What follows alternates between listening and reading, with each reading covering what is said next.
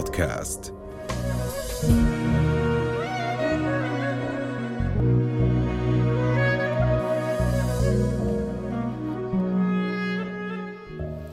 بسم الله والحمد لله. حياكم الله في اليوم الرابع من رمضان. ويا رب تكون كل أيامنا سعيده إن شاء الله وكل العالم بسعادة وسلام وأمان وتفاهم يا رب العالمين. موضوعنا اليوم هو موضوع غريب شوي ومهم كثير وهو وصفة سرية سحرية لشيء اسمه نجاح. أكثر شيء يسعى له الإنسان وهو سبب رئيسي من أسباب وجودنا هو النجاح.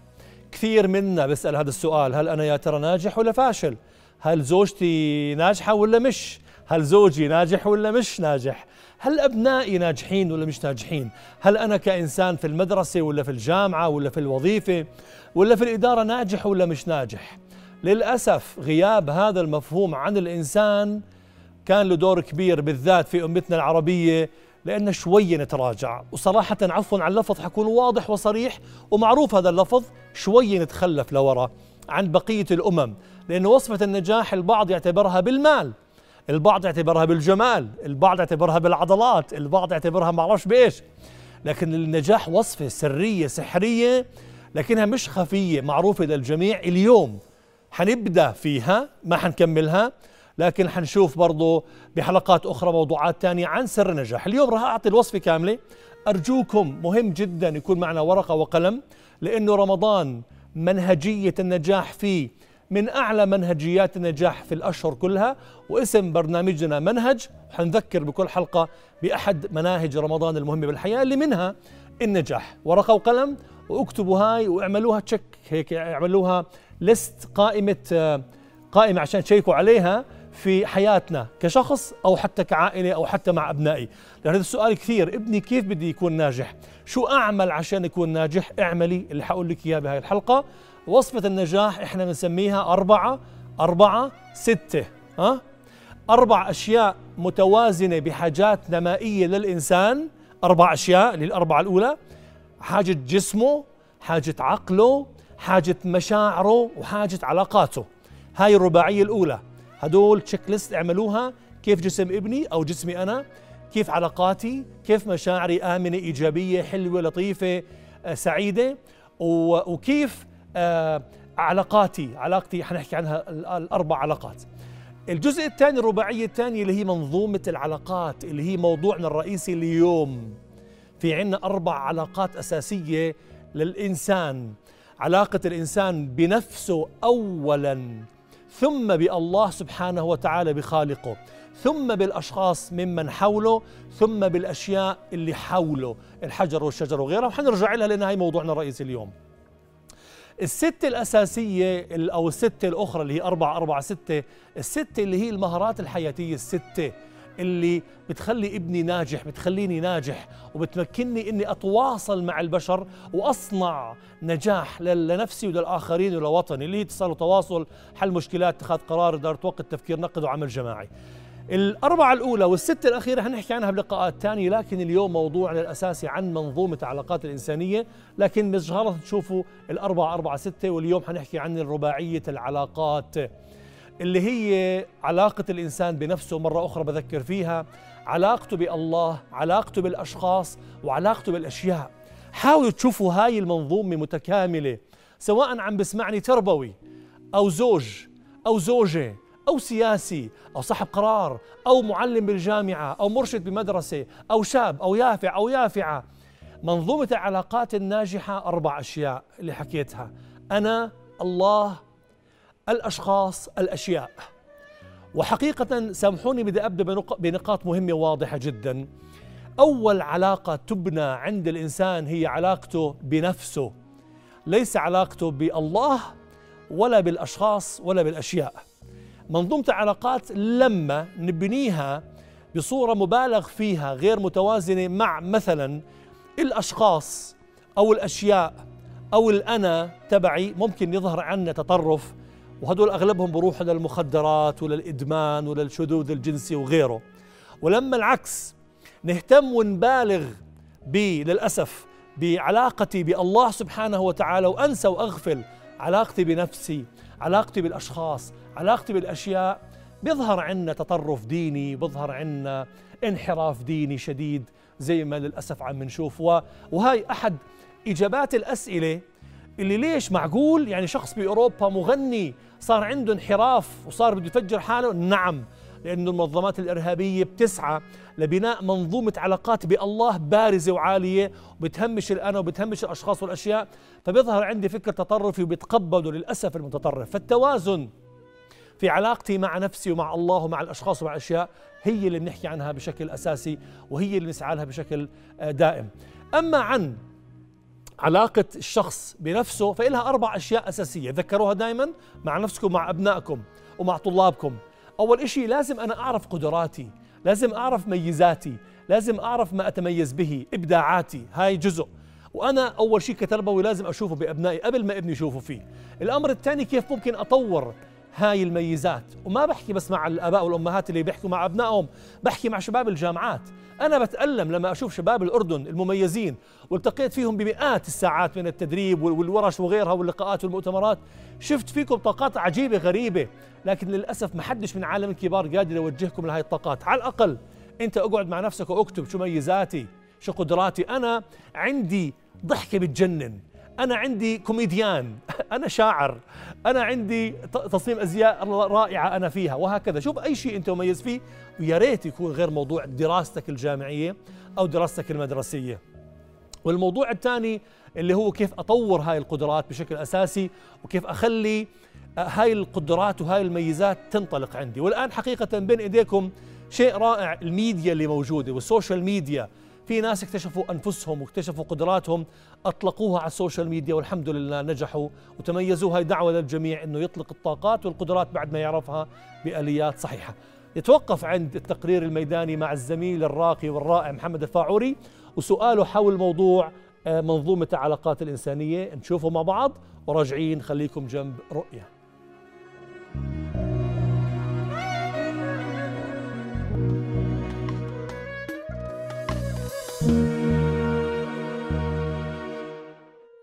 إيش أهم علاقة لازم يهتم فيها الإنسان؟ تقوى الله. دينه. اللي زينا هلا بده يهتم بالأشياء اللي بتوصله للجنة بس. إيش أهم علاقة يجب من الإنسان يهتم فيها؟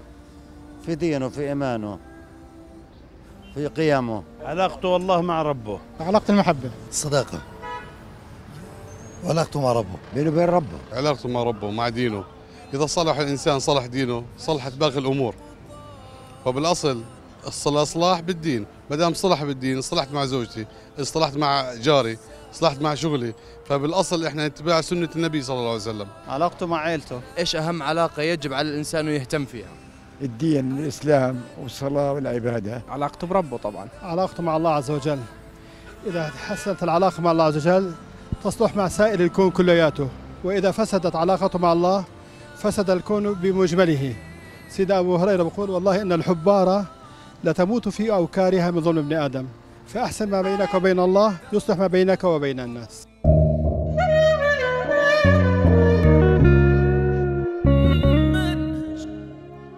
تقرير جميل جدا من الزميل الفاعوري وكلام الناس بالفعل راقي.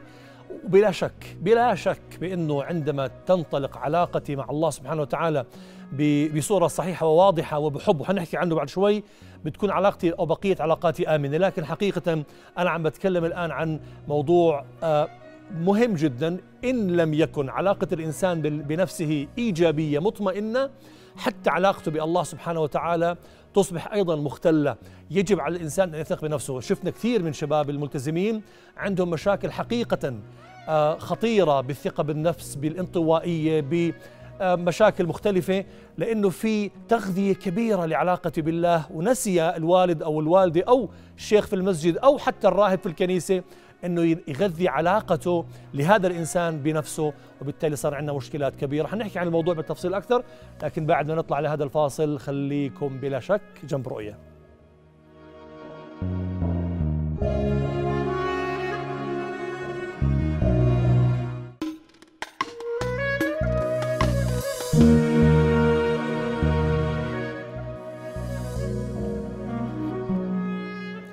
حياكم الله من جديد. آه، كنا عم نحكي عن منظومة العلاقات وهي أحد المحاور الثلاث في أربعة أربعة ستة اللي هي المنظومة المتكاملة للنجاح. حطوها اكتبوها وشيكوا عليها باستمرار. وأنا بحكي اقتراحي لو كل شهر على أنفسنا شيكنا بمنظومة العلاقات مع نفسي مع ربي مع الأشخاص مع الأشياء كيف عم بتصير الأمور أحسن ولا أسوأ وكيف بقدر أطورها وأعالجها.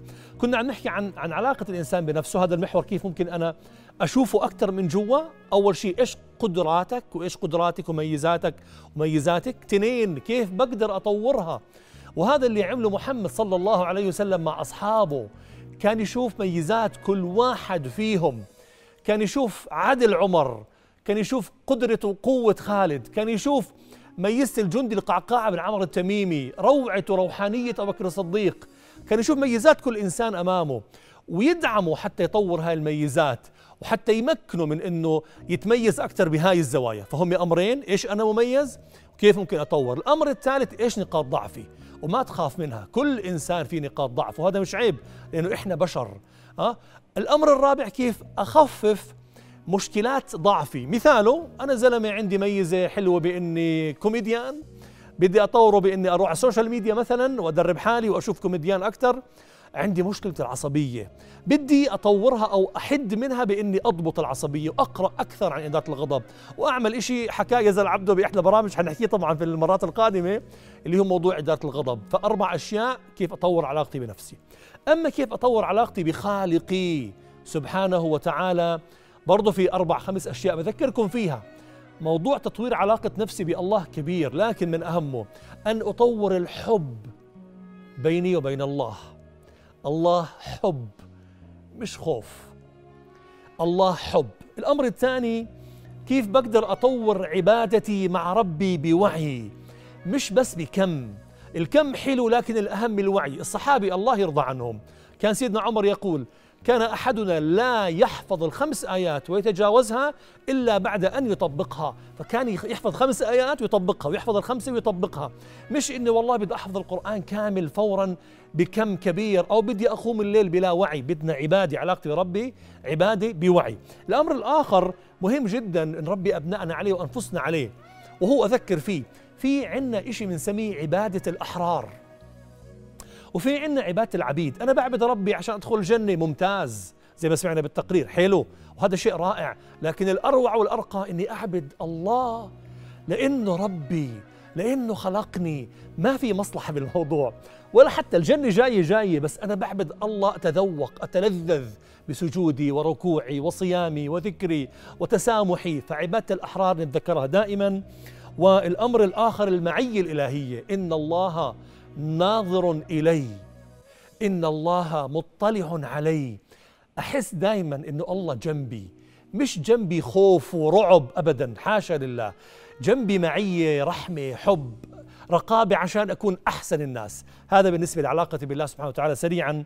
أما علاقتي بالناس فبحكي عنها لكن بعد ما أذكركم بأنه أرقام الهواتف للاتصالات عم تظهر أسفل الشاشة نستمتع دائما بأن نسمع صوتكم وتعليقاتكم على موضوع الحلقة. أما علاقتي بالناس فمن المحاور المهمة لها اللي هي الدوائر المتسعة علاقتي بوالدي أول أشخاص. بنيت بيني وبينهم علاقة. ثم علاقتي بإخواني وأخواتي ثم علاقتي بجيراني ثم علاقتي بأقاربي علاقتي بالأردنيين علاقتي بالعرب علاقتي بالمسلمين علاقتي بكل العالم. على اتساع الدوائر ويجب أن تقوم بالأساس على موضوع القيم التي ربانا عليها الإسلام، الاحترام والحب والود والوئام والسلام والأمان، قيم إنسانية يجب أن تقوم عليها علاقتي، وآخر منظومة العلاقات اللي هي علاقتي بالأشياء ويجب أن أنميها وأنميها في أبنائي، وموسم رمضان موسم مهم جدا حتى أنمي علاقة طفلي بالعمل التطوعي مش بس للفقراء والأيتام وهذا أساس لكن حتى للحجر والشجر، أنا أتألم لما نشوف دول إسلامية أضعف ما تكون مخرجاتها بالعمل التطوعي مع البيئة اللي حواليها وإحنا مدارسنا الأصل تكون مميزة بهذا الموضوع لكن للأسف ضعيفة جدا في كل مدارسنا في الوطن العربي. وأفرح عندما أشاهد في العالم الغربي والبعض يعترض على ذلك يعترض ينبسط وحر لكن هذا إحنا نحن بشر بالأخير يبدعون في موضوع العمل التطوعي في العالم. معنا أخونا عبد الله السلام عليكم أخي عبد الله. وعليكم السلام ورحمة الله وبركاته. دكتور يزن إلك وللعاملين في قناة رؤيا يا سيدي. حياك الله الله يحييك. تفضل يا سيدنا. معك عبد الله السواعي من محافظة عجلون دكتور. حياكم الله. ال- كل عام وأنتم بخير والعاملين في قناة رؤيه بخير.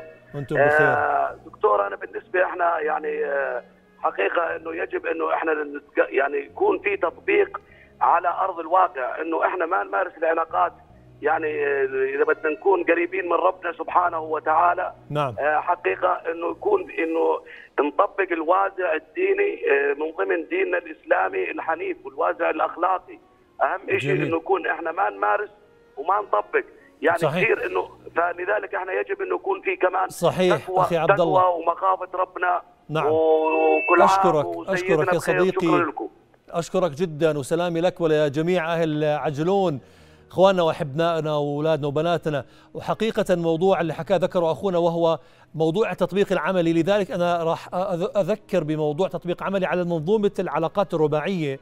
إنه دائما وهذا إسلامنا يحثنا عليه، إسلامنا ليس دين نظري، إسلامنا دين فيه فلسفة جميلة وفيه تنظير جميل وراقي وفيه تطبيق رائع، فيا ريت كل واحد منا معاه ورقة ورقة وقلم ويكتب وحعيدها هلا سريعا الأربعة أربعة ستة ويركز على رباعية العلاقات.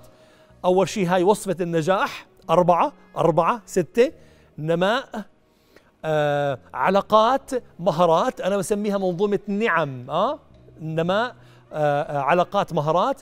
أول رباعية لازم يكون في توازن عند ابني وعندي بجسمه أو بين جسمه وعقله ومشاعره وعلاقاته. وفي علاقاته لازم تكون منتظمة بين نفسه وبين الله وبين الأشخاص وبين الأشياء.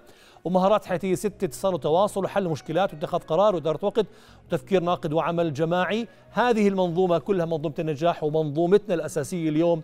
علاقتنا بنفسي وأقيمها. قديش أنا بعرف ميزاتي وقدراتي مع ربي مع الأشخاص ومع أشياء معنا مين العفو؟ أم, أم آدم. آدم. السلام عليكم أختنا أم آدم. أهلا وسهلا. كيف حالك؟ وعليكم السلام. الحمد لله. تمام.